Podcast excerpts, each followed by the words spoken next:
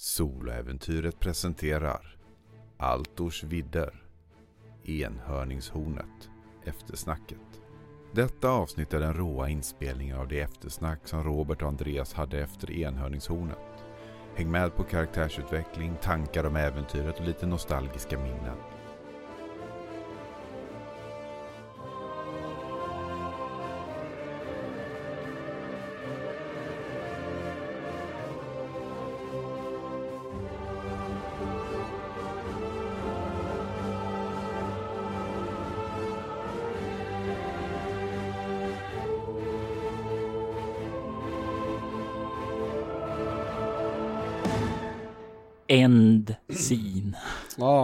Men slå inte av inspelningen än. okej.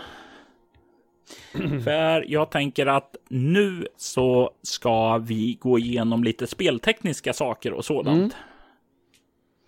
Men nästa För- gång jag spelar vidare, kommer jag kunna få min gloat-scen med Liathon och kommer jag få min avskedsscen med Liella? Eller ifall hon vill fortsätta följa efter mig?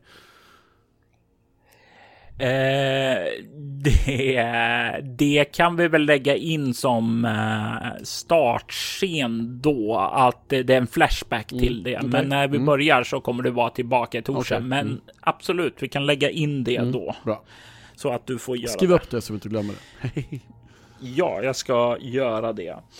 Eh, men du kan nu ta och skriva upp. Eh, ska jag bara bläddra tillbaka lite här. Eh. Jag gissar att du inte kommer tillåta att jag får resa runt med värsta superhealer eh, tjejen resten av mina äventyr, tyvärr.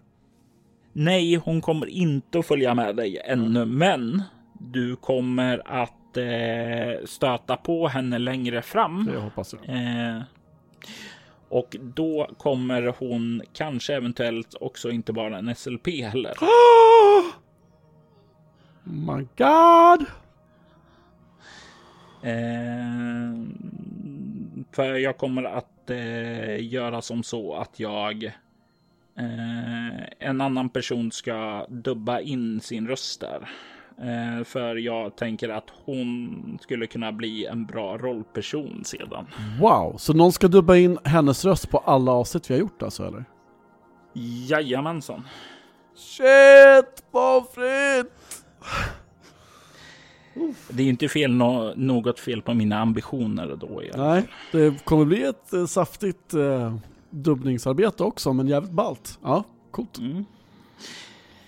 Eh, vad som vi kommer att göra nu är att du kan skriva upp spiran Larima Mm.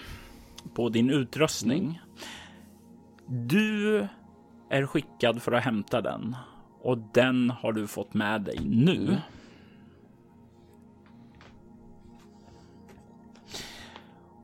Och den kommer vi att gå in lite mer på saker också i nästa avsnitt. Mm.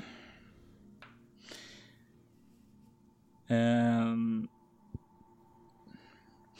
utöver det så lovade det, lovade eh, den helgade dig en belöning. Mm. Och det blir i form av en helig talisman. Mhm. Och den höjer din intelligens med plus tre. Okej. Ja, intressant. Um, mm, okej. Och eh, du kan notera dessutom en hjältepoäng till. För du har faktiskt gjort ett hjältedåd här genom att rädda den här kvinnan och fört henne i säkerhet och räddat templets artefakt. Mhm. Mm. Tack, tack. Och det sista som vi ska dela ut här är bonuserfarenhetspoäng. Och jag kollar här nu på erfarenhet genom äventyr. Eh, du kan få 1 till 4 poäng eh, genom att framgångsrikt ha utfört ett uppdrag. Och jag kan ju säga som så här att så som äventyret är skrivet så är det näst intill omöjligt att hitta Lela. Och det gjorde ju du på ett alldeles utmärkt sätt. Och du har lyckats att finna artefakten och du har fått hennes inre kraft att väckas och tagit alla tillbaka till säkerhet. Så du får full pott där, alltså fyra bonuserfarenhetspoäng där. Woho!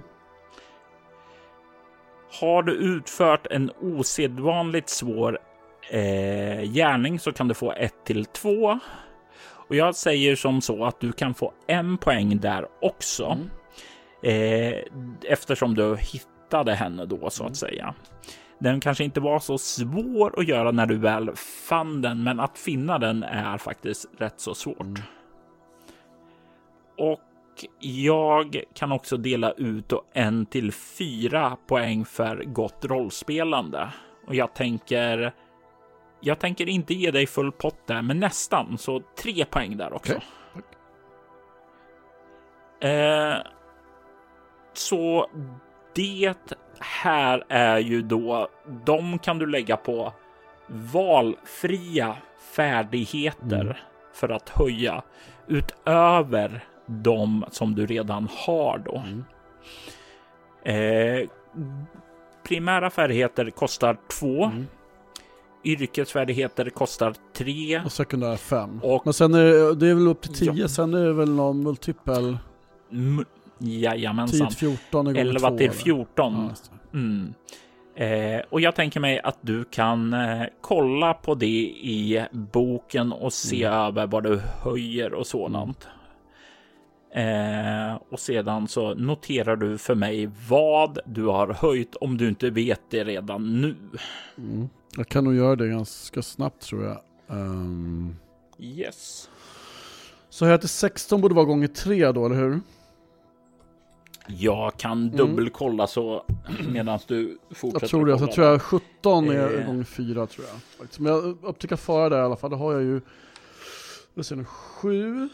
Så det borde räcka till höja till 16 i alla fall utan att använda Barf. Och så borde jag ha en banka där. Eh, just. Och efter T utan att använda Barf gå upp till 10. Jag kommer Eh. lägga en Barf på bluffa för att höja den till 6. Mm. Nej vad säger jag, för att höja den till 7 menar jag. Eh, Ja. Och jag lägger, hmm. Uh, um, fan, två. Uh, jävla hoppa. Uh, övertala, där har jag, oh, fan jag ser inte vad det står. Vad står det? Där, är- fem. En, två, tre, fyra. Jag har fått nio totalt i övertala tror jag. Som jag har tio i. Mm. Så det blir, eh, blir fyra, det blir åtta och höjer det till tolv. Ehm, så jag höjer den till, Mm. jag lägger en berf där också för att höja till 13 då. Då är det av med en, två stycken. Ja. Uh, vi ser här nu.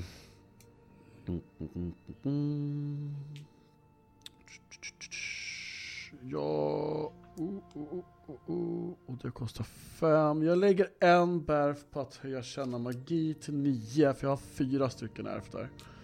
Så lägger en för att få fem Ja. där. Ehm. Sen lägger jag en för att boosta mina tre ärf i klättra. Så det blir fyra där. Då kan jag höja från 10 till 11.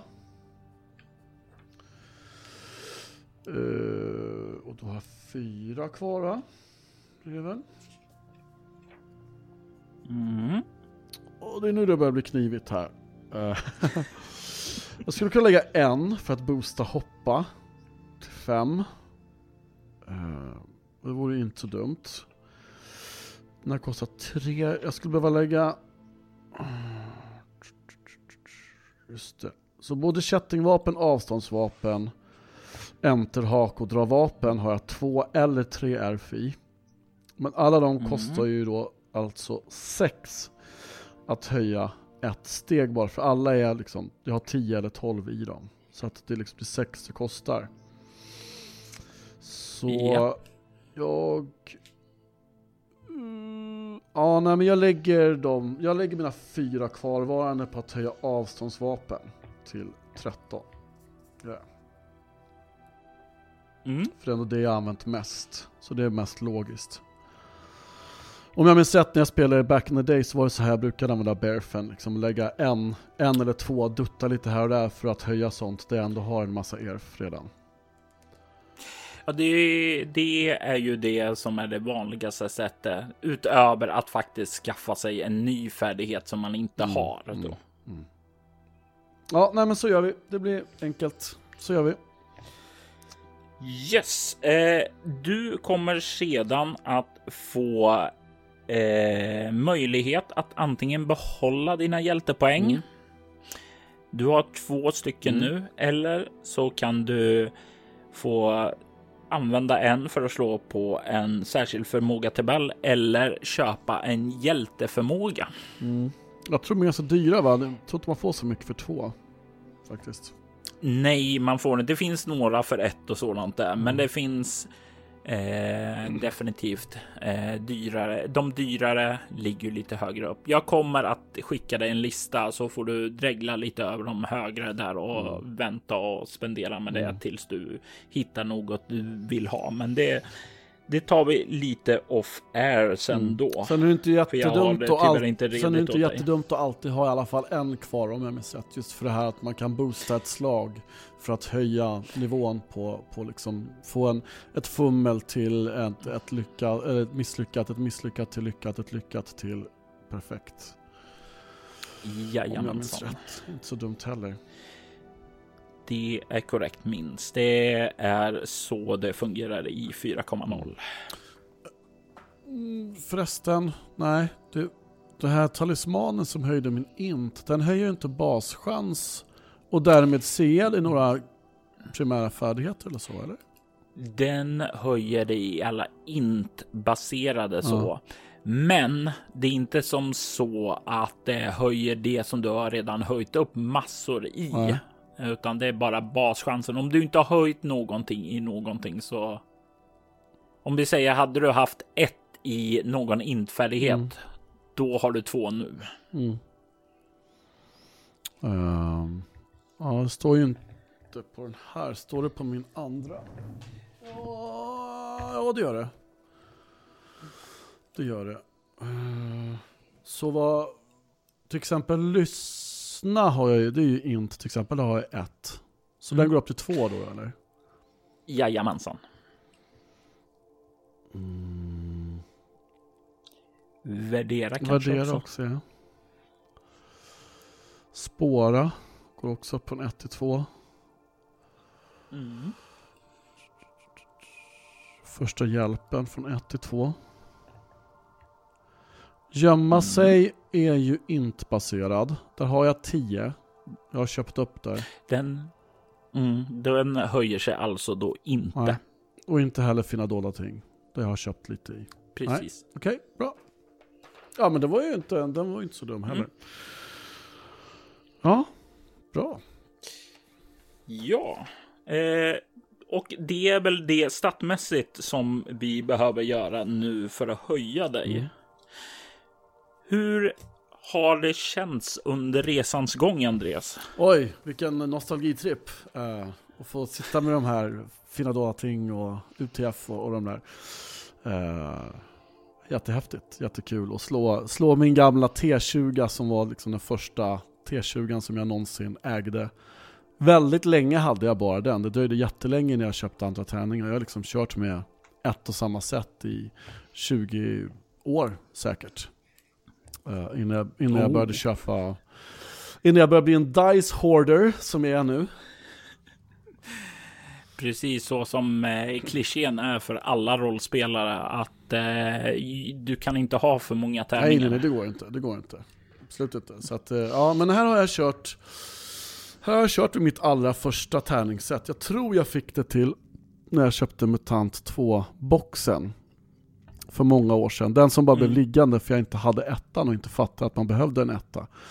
Eh, så jag, och jag hade ingen att spela med så jag visste inte vad det var. Jag tyckte bara att det var en häftig bok och en häftig box. Och sådär. Så att uh, de här tärningarna Ja. låg oanvända ända tills jag började spela, flera år senare började spela Drakar och Demoner då. 94. Mm. Mm. Vad eh, tyckte du om eh, äventyret i sig då? Eh, det här är ju ett äventyr som ligger varmt om hjärtat för mig. Det var ju efter att jag hade fått den här 3,0 i eh, födelsedagspresent eh, så var det ju expert och enhörningshornet som jag köpte tillsammans som de första egna rollspelsinköp jag gjorde. Och jag fick ju spela igenom det, så det har ju ett nostalgiskt skimmer då för mig då. Eh, och jag tänkte jag ska dela med mig lite där av vad jag tänkte, men jag vill höra vad du tyckte om äventyret. Jag vet inte hur eh, mycket du hade hört talas om det innan och vad du visste om det. Så Just det här äventyret visste jag ingenting om alls. När jag började spela Drakar och Demoner 94 och vi körde, vi körde mycket, vi körde säkert en gång i veckan minst, ofta, ibland till och med tre gånger i veckan. Eh, men det var nästan bara min spelledares eh, egenskrivna äventyr och faktiskt till och med rätt mycket i hans egen värld också. Vi körde en 640-kampanj som utspelar sig 640 efter Odo. Eh, också. Mm. Och sådär. Så jag har inte spelat, det enda jag har spelat av de gamla eh, äventyrsspelsmodulerna är Svavelvinter och femte konfluxen, alltså första och fjärde delen i konfluxsviten. Eh, de andra har jag inte, jag har inte spelat någon annan alls faktiskt och inte liksom läst igenom just för att jag kanske vill vill spela igenom något av dem eh, någon gång i framtiden. Eh, Mm. Sådär, så att det är... Jo vänta, jag har spelat Döda skogen. Har jag faktiskt gjort en gång. och Spindelkonungens pyramid. Ja, just det, precis. Den körde vi med tärningkastare. Precis. Så, att, så att jag har inte spelat så många. Men jag måste säga att ganska ofta på Facebook och sådär idag när folk frågar så ah, jag brukar spela Drakar och Demoner back in the days. Vad ska man spela nu? Är det omodernt? Och så vidare. Jag måste säga att det, det håller otroligt bra ändå.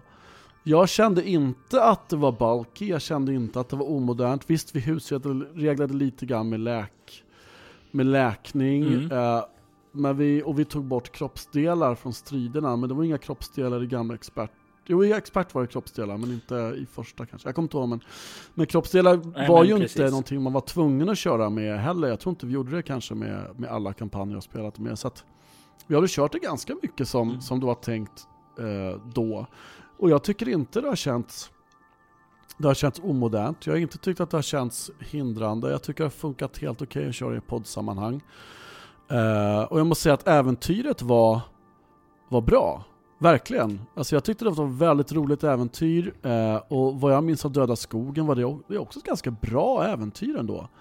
Så jag började fundera på om kanske de här nostalgipersonerna som säger att ja, men jag vill nog kanske fortsätta köra Drakar och Demoner och så kommer folk och bara nej nej du måste köra någonting så mycket modernare, det där kan du inte spela längre. Det har kommit mycket bättre rollspel sedan dess. Ja, det har kommit massor med bra rollspel eh, och spela dem för tusan. Men eh, man kan spela det här fortfarande, det går alldeles utmärkt. Jag tyckte... Eh, det, är, det är ju en sak som jag tycker är ganska eh, häftigt med just enhörningshornet är att det är väldigt, väldigt modulärt. Alltså det är väldigt öppet på det här sättet att du får ett uppdrag. Eh, sedan så kan du i två, du ska ju ta dig till Kandra då, men det finns ju att du kan både ta dig till eh, skogsväg eller via floden som du valde och det finns en del olika händelser som sätter färg till det.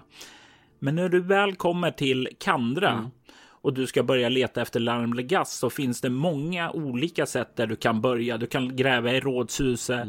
Du kan prata med eh, olika smeder eller värdshus. Alltså det här slumpas ibland också vad du kommer vidare där. Och det blir som ett litet detektivscenario där som länkar samman varandra som ett stort spindelnät. Eh, Ja, det var ju verkligen det här, det här lyckade upptäcka faraslaget som jag stod när jag, att jag råkade ta värdshuset som var nära väverskans hus och jag råkade stå och titta ut genom fönstret och det var ju en slump, det var någonting vi bara hittade på i stunden att ja men har jag fönster ut mot gatan? Ja, har jag det? Och jag trodde till och med du slog ett slump, en slumptärning för det och sa ja du har, du har fönster ut mot gatan, ut mot eh, Skräddargatan. Och jag bara jaha, ja men då, då kan jag ju stå och titta ut över huset som jag kanske ska kolla på sen. Eh, och, så här, och så ett upptäckat faraslag som råkar lyckas. Eh, visserligen har jag högt i det, men liksom ändå det är ett slag som råkar lyckas. Och jag verkligen snubblar över Lela av ren jävla slump. Eller ödet. Ja, och det är ju det att eh, de har ju henne eh, tillfångatagen och de hade ju span på Larms hus. Och det står i scenariot att de typ Ja, men de tar med henne dit för att se om hon känner någonting från huset och det här sker typ en gång. Och det var ju tillfället då du såg det. Eh, mer eller mindre, för det är bara då jag tänkte okej, om du inte spelar på det här nu, ja, men då kommer hon försvinna ut och du gjorde ju på det och hittade henne. Så det var ju många sådana här små händelser som gjorde att du ja, lyckades fånga upp henne då. Och det är ju när du tar dig ned där till enhörningszonen och finner det. Så som det är skrivet så det, du kan plocka upp det och eh, om du är alv eller kvinna så kommer den, eh, helg, ja, den här inkarnationen som finns i stenen då som går in i Leella. Den kan typ kommunicera lite hjälpligt då med dig. Men du som halvors och man hade ju inte möjlighet att kommunicera med henne. Och hade du tagit upp det och bärt ut det så hade det bara försvunnit och dykt upp där tillbaka. För det är bara hon som kan ta det därifrån. Och då hade du ju satt en väldigt, väldigt annan prägel på hur scenariot hade varit.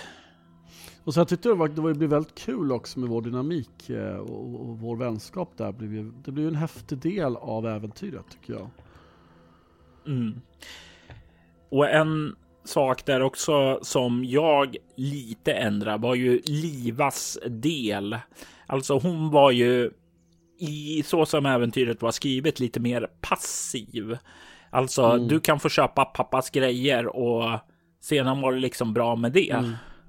Men för mig så kändes det som att nej men, hon vill veta mer om sin far. Hon är ändå ganska kompetent kvinna och sådant där. Jag tror ju lite grann att eh, man, det var en annan kvinnosyn när de här skrevs, att det var lite mer tyvärr passiviserade kvinnor och st- starka manliga män. Ja, precis. Eh, precis. så att säga. Eh, och det kände ju jag som att, ja men faktet, är alltså hon vill veta mer om sin far. Eh, och då kändes det naturligt att låta henne också ja, hjälpa Mm. dig på villkoret att hon fick följa med. Och sen att vi kör det här som soläventyr också gör att det, blir- det blir ju mer Mm. dynamiskt om, om fler personer är med när man går ner för de här gångarna och det. Mm. Och hon gav ju dig möjlighet då att se alla de här dvärgrunorna och Mm. sådant också. Det var ju en stor vinst. där. Ja precis, jag menar är man en äventyrsgrupp på 4-5 spelare så var det ju inte så, det var ju ganska ofta som någon spelade dvärg och det är kanske så det är tänkt att någon ska kunna läsa det där själv i gruppen liksom. Ja, en sak som jag märker är att det är ju, det är ju nästan förutsätter här att antingen har du en dvärg eller så har du en magiker som ska kasta syn på alla, allting där för att få ledtrådarna. Det är de två vägarna som finns i princip med alla runor. Ja eller någon hantera fällor kanske. Liksom att man kan upp, för jag menar, ja. Och det här var ju inte någonting jag hade planerat ifrån första början att det skulle bli så. Eh, den här spiran som du fick valet att plocka med dig eller eh, vad heter det, lämna i templet.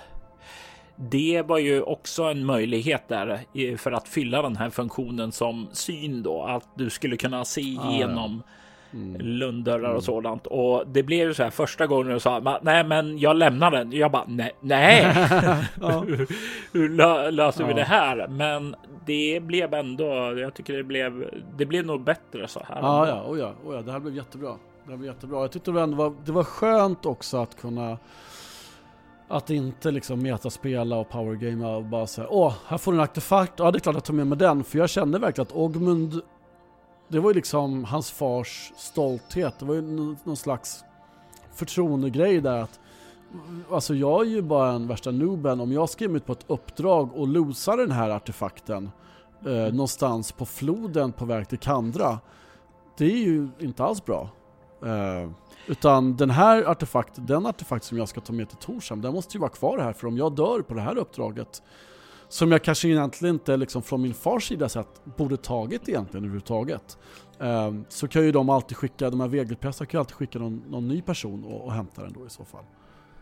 Mm. Och nu blev det ju, vad heter det, snarare så här att nu kommer du tillbaka med den här spiran plus ett gott dåd i ryggen, mm. vilket ju gör att eh, Ogmund har lite mer självförtroende. Mm. Att han har växt lite och det, det är ju också lite grann av ett mandomsprov han var med om. Mm. Ja, jag försökte spela honom ganska osäker liksom i början, men att, med att han successivt kände sig mer och mer bekväm med att, med att kanske ta en, en, liksom en äventyrarroll, en, en blivande hjälte, hjälteroll sådär. Vi får se om, om jag gick för fort fram eller för långsamt fram. Det får väl lyssnarna avgöra och, och tiden kanske. Mm. Det var en annan sak som jag måste också påpeka här som eh, är ganska skojigt och som ändrade lite grann planeringen. Det var ju ombord på båten mm. när svartprästerna skulle börja interagera mot ja. dig och det är ju så här bara nästan skrivet att nej, vi tänker inte ta några pengar, era ondingar och då börjar svartprästerna att eh, plotta mm. för att sätta folket emot dig när ni kommer in i träsket. Men du bara vände upp och ned på det och sa ja, ah, men visst, jag går med på allt. Eh, jag ljuger eh, och lyckas med bluffarslaget så ni går på det. Eh, ge mig alla era pengar. Och då var det så liksom bara hopp. Ja, men då åker ju det här slumpmötet de skulle använda i träsket mot mm. dig då bort. Mm.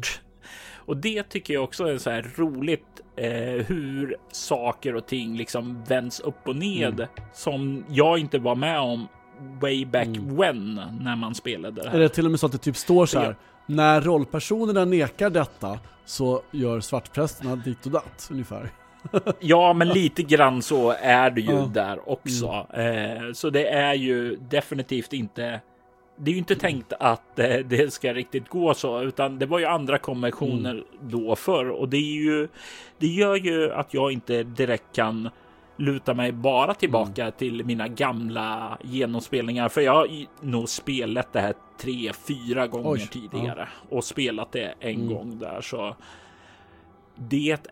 Nej, jag har nog spelat det två gånger när jag tänker efter där. Ja. Eh, så det, det var ju ändå nya grejer jag fick ut av det här när jag spelade också. Ja, det är ju det är häftigt och det, det tyder ju på ett bra äventyr också om det liksom om det verkligen om det funkar, det går framåt, det blir intressant, men det blir det på helt olika, helt olika sätt. Mm. Det som jag kände så här, det var ju två saker eh, som eh, jag eh, reagerar på. Det är ju för det första så är ju den hela katakomben och grottkrälet någonting som jag inte tycker är lika roligt idag som jag tyckte förr där. Och jag märker ju nu när jag ska beskriva och sådant. Det flyter inte på lika bra för jag, jag har lite svårare att greppa det idag när jag är gammal och gaggig gentemot när jag var ung och inte brydde mig så noga om detaljer. Mm. Där, va? Utan det blir som det bara, men vänta nu, hur fungerar den här vippluckan egentligen? Hur borde det här logiskt hänga ihop? Alltså, det var ju saker man inte alls tänkte på mm, förr. Mm, mm, mm. Verkligen. Eh, mm, eh, men det andra är ju också att det här scenariot saknar egentligen ett ordentligt klimax, utan det är ju slänger ut en massa himla trådar och säger ja, knyt ihop det här själv. Och jag väntade mig hela tiden att det skulle komma någon, någon, någon slutstrid. Att antingen, jag, till, till, till och med när du liksom ibland, när vi kom in i sista salen och hittade det riktiga hornet, att jag bara tänker så här, fan en Liva, hon kommer typ, hon kommer typ ta, ta en dolk i min rygg eller något där. eller, eller, eller, eller, så tänker jag så ja, nu har vi lämnat liksom, vi har bara lämnat öppna luckor och öppna dörrar bakom oss. Svartprästerna kommer välla ner och så blir det någon liksom slutfight sådär. Mm. Jag funderade på att dra in och sådant där, men enligt mina noteringar så har du dödat tio stycken svartpräster mm. sammanlagt och det finns bara ett visst antal svartpräster och det började bli väldigt få av dem Det var det jag ville fråga. Jag Visst brände... står i äventyret hur många de är totalt? Jag var lite nyfiken på om man nu kanske skulle få veta det. jag har inte koll på exakt hur många det är. Det var några på båten. Eh, och sen var det några i staden. Jag ska se nu om jag snabbt kan hitta det medan jag bläddrar. Gör det, men alltså, jag, jag, men jag går och kissar jättesnabbt. Kan du bara bläddra lite? Så bara, jag är tillbaka om 20 sekunder. Ah. Yes. Eh, jag håller på att kissa på mig. Do it. jag har hittat lite information nu. Är du tillbaka? Jag är tillbaka. Ja, efter att ha bläddrat ganska snabbt här så hittar jag i vanligtvis så finns det en man och hans fru samt två noviser under upplärning. Men just nu så finns en ovanligt stor grupp svartpräster här.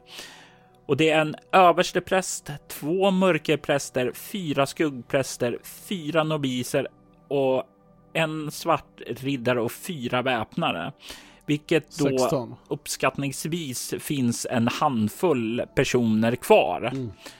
Eh, och så som äventyret är skrivet så finns det efter ett visst antal dagar så stormar de eh, själva eh, huset, mm. Eh, larmshus då, för att eh, leta sig ned där. Mm. Och eh, grejen var att jag, det, vi var inne på dag 10 mm. och jag tror det är eh, dag 8 så skulle de anfalla det huset i enligt scenario och dag 10 skulle de göra ett nytt försök. Mm. Men eh, eftersom du hade dödat så många vid det här laget och du dödade hela huset där mm. i eh, när du fann Liella mm. så kändes det inte logiskt att de bara skulle göra en stor stormning mm. där utan Var översteprästen då... den som eh, magiken vid brunnen eller? Eh, nej, nu ska inte översteprästen. Det var prästerna. Okay. Mm. Eh, det var. nu ska vi se. Det var de två mörkerprästerna. Jag bara tänker ifall det var så att, man, att jag hade dödat de flesta av liksom high ranking. Då kan det ju vara så att de som är kvar mm. inte riktigt har moral att liksom ta sig an, för då tänker de så här, oh shit, det här, liksom om våra överordnade inte fixade det här, hur ska vi kunna, och sådär, jag vet inte. Jag tänkte väl snarare att det var den här översteprästen var kvar, men eh, det är inte personen som eh, känner att den, den vill riskera livet. Den hade inga. Eh, den hade inte tillräckligt med undersåtar att skicka och göra det här stormanfallet mm, och mm. så. Så det mm. var helt enkelt att eh, konsekvenserna av att du hade gjort en utrensning i deras led mm. eh, gjorde att jag kände att det var ologiskt att skicka in en stor styrka där mm. efteråt. För mm. eh, jag tycker att eh, handlingar ska få konsekvenser. Mm. Ja, precis. Både bra och dåliga. Mm.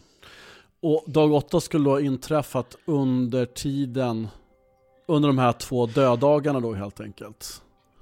Ja, precis. Då ja. skulle det inte blivit två döddagar, Nej. utan då skulle de stormat in när de andra, mm. vad heter det, väntar på att flytta ut mm. då. Så hade de blivit mördade mm. och tagit sig ned där och då hade ni då istället följt efter dem och då mm. hade de, då hade det väl blivit någon form av konfrontation. Alltså, alltså vi höll ju ändå liksom, vi höll ju ändå huset under uppsikt, tänker jag, de där två döddagarna. Det var inte så att vi bara gick och väntade, utan vi höll ju under uppsikt och vi hade ju märkt att de stormade och då hade det blivit en, en, en, en strid inne i huset. Liksom. Mm. Absolut. Eh, nej, men så det blev ju också så där lite konsekvenserna hur ni gjorde. Och det är väl också, ja, det är väl det som är eh, det som jag tycker är mest spännande med äventyret är att det inte följer ett eh, vanligt linjärt mönster mm. att mm. så här kommer det att sluta, utan det är verkligen bara Ja, den följer ett spår fram till Kandra mm. och därefter så har vi plockat bort rälsen och säger att ni får leta reda på rälsen mm. själv. Mm. Och bygga er egen jävla järnväg. De här Griff och Gruff, var de, är de inskrivna i äventyret eller de, hittade du på dem själv?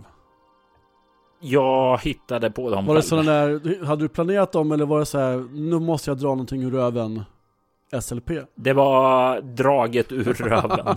Det, det, ja, vad bra. Därför de blev Griff och ja, Gruff där. Eh, ja, Nej, det, det är ju alltid en utmaning. Var sköna tyckte jag.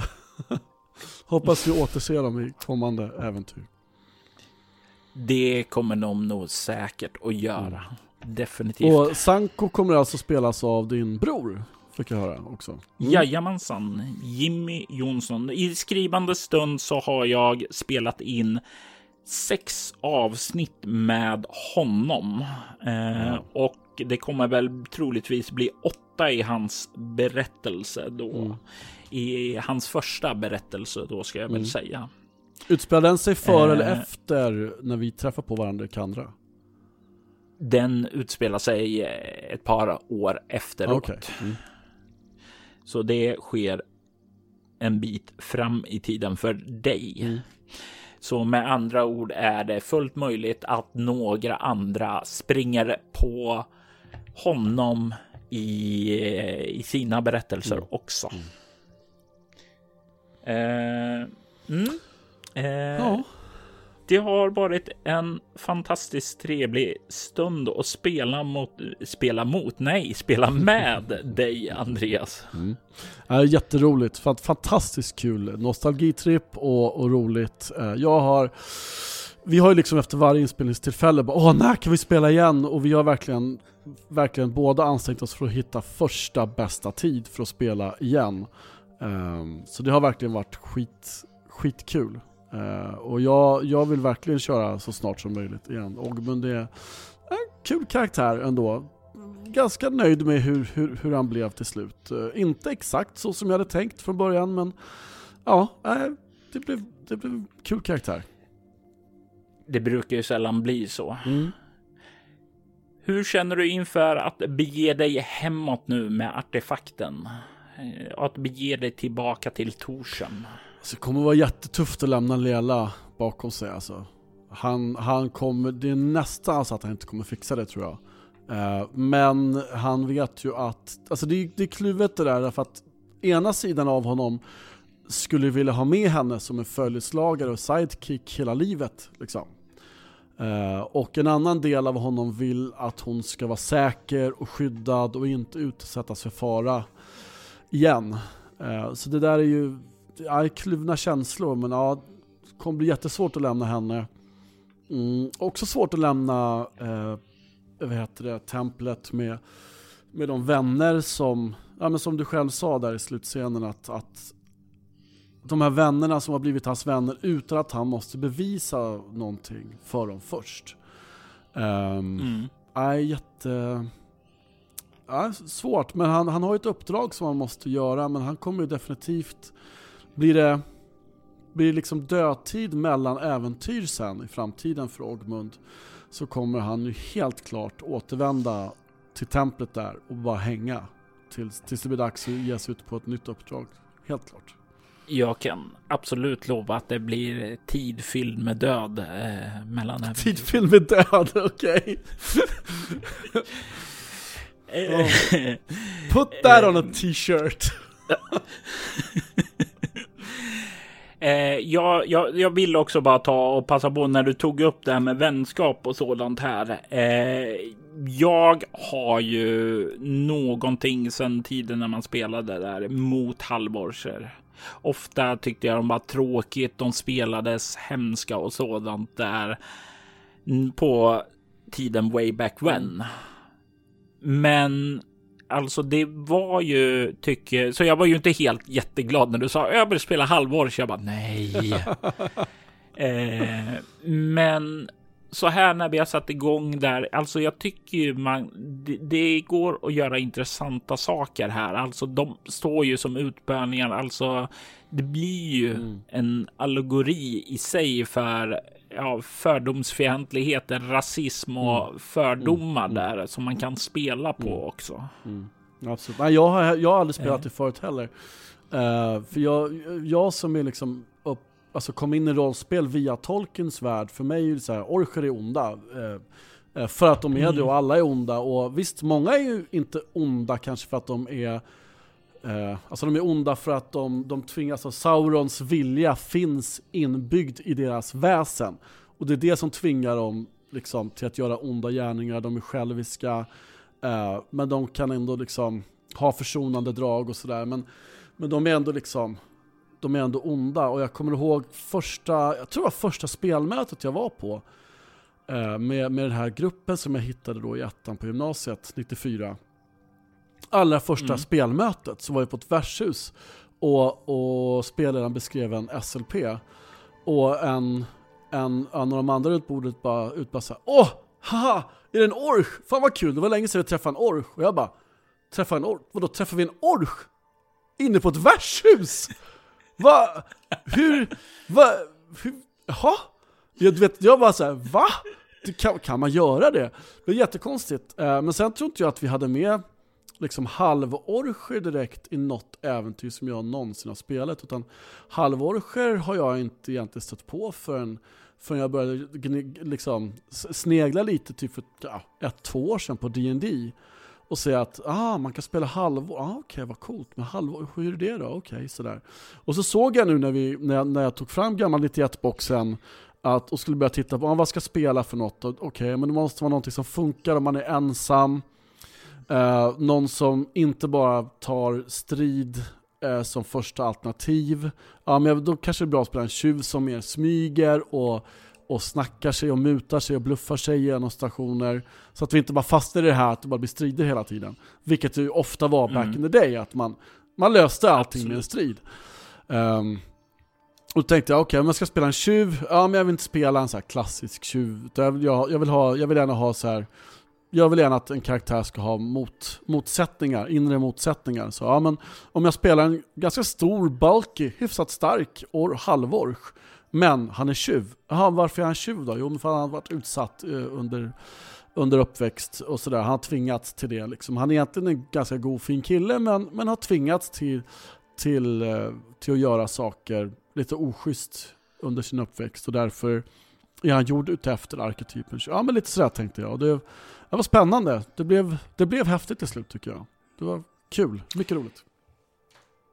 Det var ju så skojigt, för jag, jag har ju för varje rollperson som är med så finns det ju en stor ark så att säga, en hjältes resa som jag har i bakhuvudet planerat som jag sprudlar ut lite i själva de här små berättelserna då. Mm.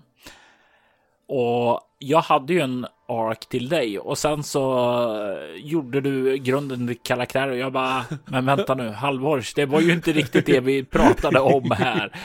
Och jag bara, fuck, eh, då kan, vad gör jag med den här arken? Och sen så insåg jag bara, vänta, jag har en, jag, jag kan få in en ark till så mm. jag tog den ark som jag hade då och började kombinera med en annan ark som jag haft i bakhuvudet mm. där. Så det, det blev ju invävt två stycken mm. där och eh, det är ju någonting som vi kommer lägga märke till längre fram då så att säga. Spännande. Spännande. Eh. Ja, Nej, men jag hoppas ingen lyssnare har känt att det har varit obehagligt med, med de här scenerna vi har kört ibland. Eh, sådär, om det är någon som har liksom, ja, men varit utsatt för fördomar och sådär och känner att det har varit obehagligt. Jag tror jag Samtidigt är det ju liksom, det är någonting som finns i den världen och någonting som vi alla tycker är fel. Uh, um, och det är någonting som, och det har ju, mm. det är liksom, det är, det är den bakgrunden som har gjort Ogmund till den han är. Uh, och ja, jag vet inte. Jag hoppas vi har behandlat ämnet med respekt om man, om man säger så. Det är ju det som är det viktiga, att man tar saker och och liksom behandlar det på ett värdigt sätt och inte bara skojar bort det och gör det med en axelryckning. Mm. För det är ju där som det blir fel, alltså att man ur en privilegierad position då eh, vad heter det, skakar av det som bara något eh, att skratta åt. För det är ju det är ju ett reellt problem för många och det förtjänas att både skildrats på ett fiktivt sätt för att belysa det här. Ofta så är det ju lättare att tala om allegorier som inte är direkta. Alltså, det är lättare att tala om strukturella problem med rasism och sådant och använda orcher istället för att göra det i vår riktiga värld med den kontexten som finns mm. där. Alltså, mm. så jag tror också det är ett sätt att kunna ta och eh, ge en viss eh, allvarlighet till en berättelse och samtidigt belysa att det finns ett problem mm. med det. Mm. mm. Absolut. Nu blev det nästan en, en postmortem av det här eh, snacket, men vi hoppas ju kanske att, det, att vi kan få svar på lite frågor och sånt där också i en, i en riktig postmortem sen. Nu har vi lagt grunden för ett bra sånt avsnitt i alla fall. Jag tänker som sagt var att eh, jag... Det var ju min mening att lura in dig i en postmortem så här, Andreas. Mm. Eh, så du har kommit på mig. Mig lurar du inte. Jag är inte lika dum som Ågmund minsann.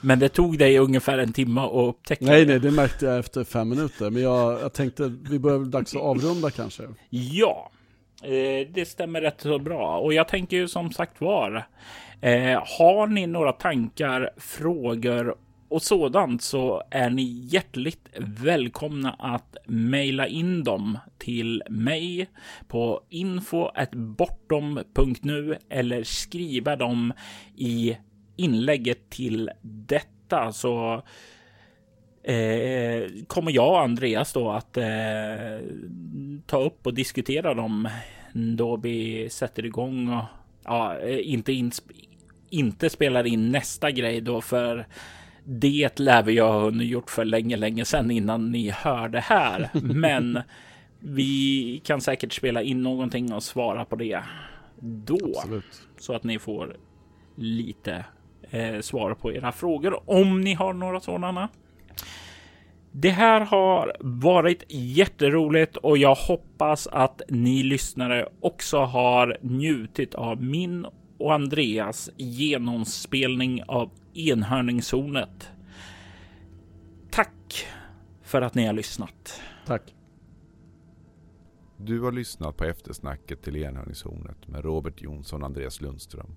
Andreas skapade temamusiken till podden och övrig musik i avsnittet gjordes av Aski. Har du några tankar, frågor eller funderingar om Ogmunds äventyr i enhörningshornet? Skicka oss ett mail på info.bortom.nu eller skriv den som en kommentar till avsnittets inlägg så ska vi göra vårt bästa för att besvara den i ett postmortem-avsnitt i slutet av säsong 1.